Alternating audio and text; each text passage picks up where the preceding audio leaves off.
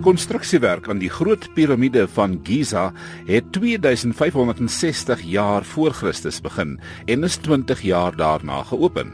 Sedertdien het die massiewe mensgemaakte struktuur historiese en wetenskaplikes gefassineer en die wêreld hou navorsing rondom die piramides met arendsoë dop. Die algemeenste samesweringsteorie is dat die piramides verband hou met buiteruimtelike wesens of dat die ontwerpers en argitekte tegnologie gebruik het daai tyd wat meer ontwikkeld is as vandag se tegnologie of dat daar iewers in die piramides geheime opgesluit lê wat sal bewys dat ons voorvaders eens op 'n tyd op Mars gewoon het en toe Mars onbewoonbaar geraak het, het hulle 'n tuiste op die aarde gevind. Daar is nog hordes ander samesweringsteorieë, maar die wetenskap en argeologie werk onverpoost voort om antwoorde te vind vir talle van die vrae oor die piramides en elke nou en dan kom daar 'n verrassende verklaring. Ben Carson, Amerikaanse presidentskandidaat, glo dat die piramides gebou is deur Josef van die Bybel om graan te berg. My own personal theory is that Joseph built the pyramids in order to store grain. Now, all the archaeologists think that they were made for the pharaoh's graves, but you know, it would have to be something awfully big when you stop and think about it. And I don't think it would just disappear over the course of time to store that much grain. And when you look at the way the pyramids are made, with many chambers that are hermetically sealed, they would have to be that way for a reason. And, uh, you know, various scientists have said, well, you know, there were alien beings that came down and they had special knowledge and that's how they were. You know, it doesn't require an alien being when God is with you. Die opname kom uit 1998. 'n Joernalis van CNN het gedink wel, Carson is nou presidentskandidaat. Sal hy nog dieselfde deentjie sing in so 'n posisie en hom toe weer uitgevra van dese week? It's, it's still my belief, yes. Can you explain that a little bit more? What was the? Yeah, well, the pyramids were made in a way that they had hermetically sealed compartments. You wouldn't need hermetically sealed compartments uh, for a sepulcher. Mm-hmm. You would need that if you were trying to preserve grain over a long period of time. Net soos enige ander mense het Ben Carson seker ook 'n reg tot sy eie persoonlike mening, reg of verkeerd. Maar wat is dit wat die mensdom so fascineer oor die piramides? Dr Herman van die Kerk van die departement van argeologie by die Universiteit van Johannesburg.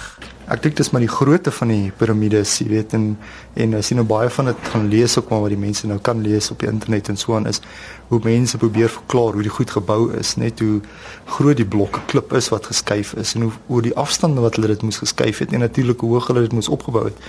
En ek dink dis deel van die rede hoekom mense so gefassineerd is met dit want selfs in vandag se tye gaan dit baie moeilik wees geldsgewys en met al die toerusting wat ons het om so ding om mekaar te sit.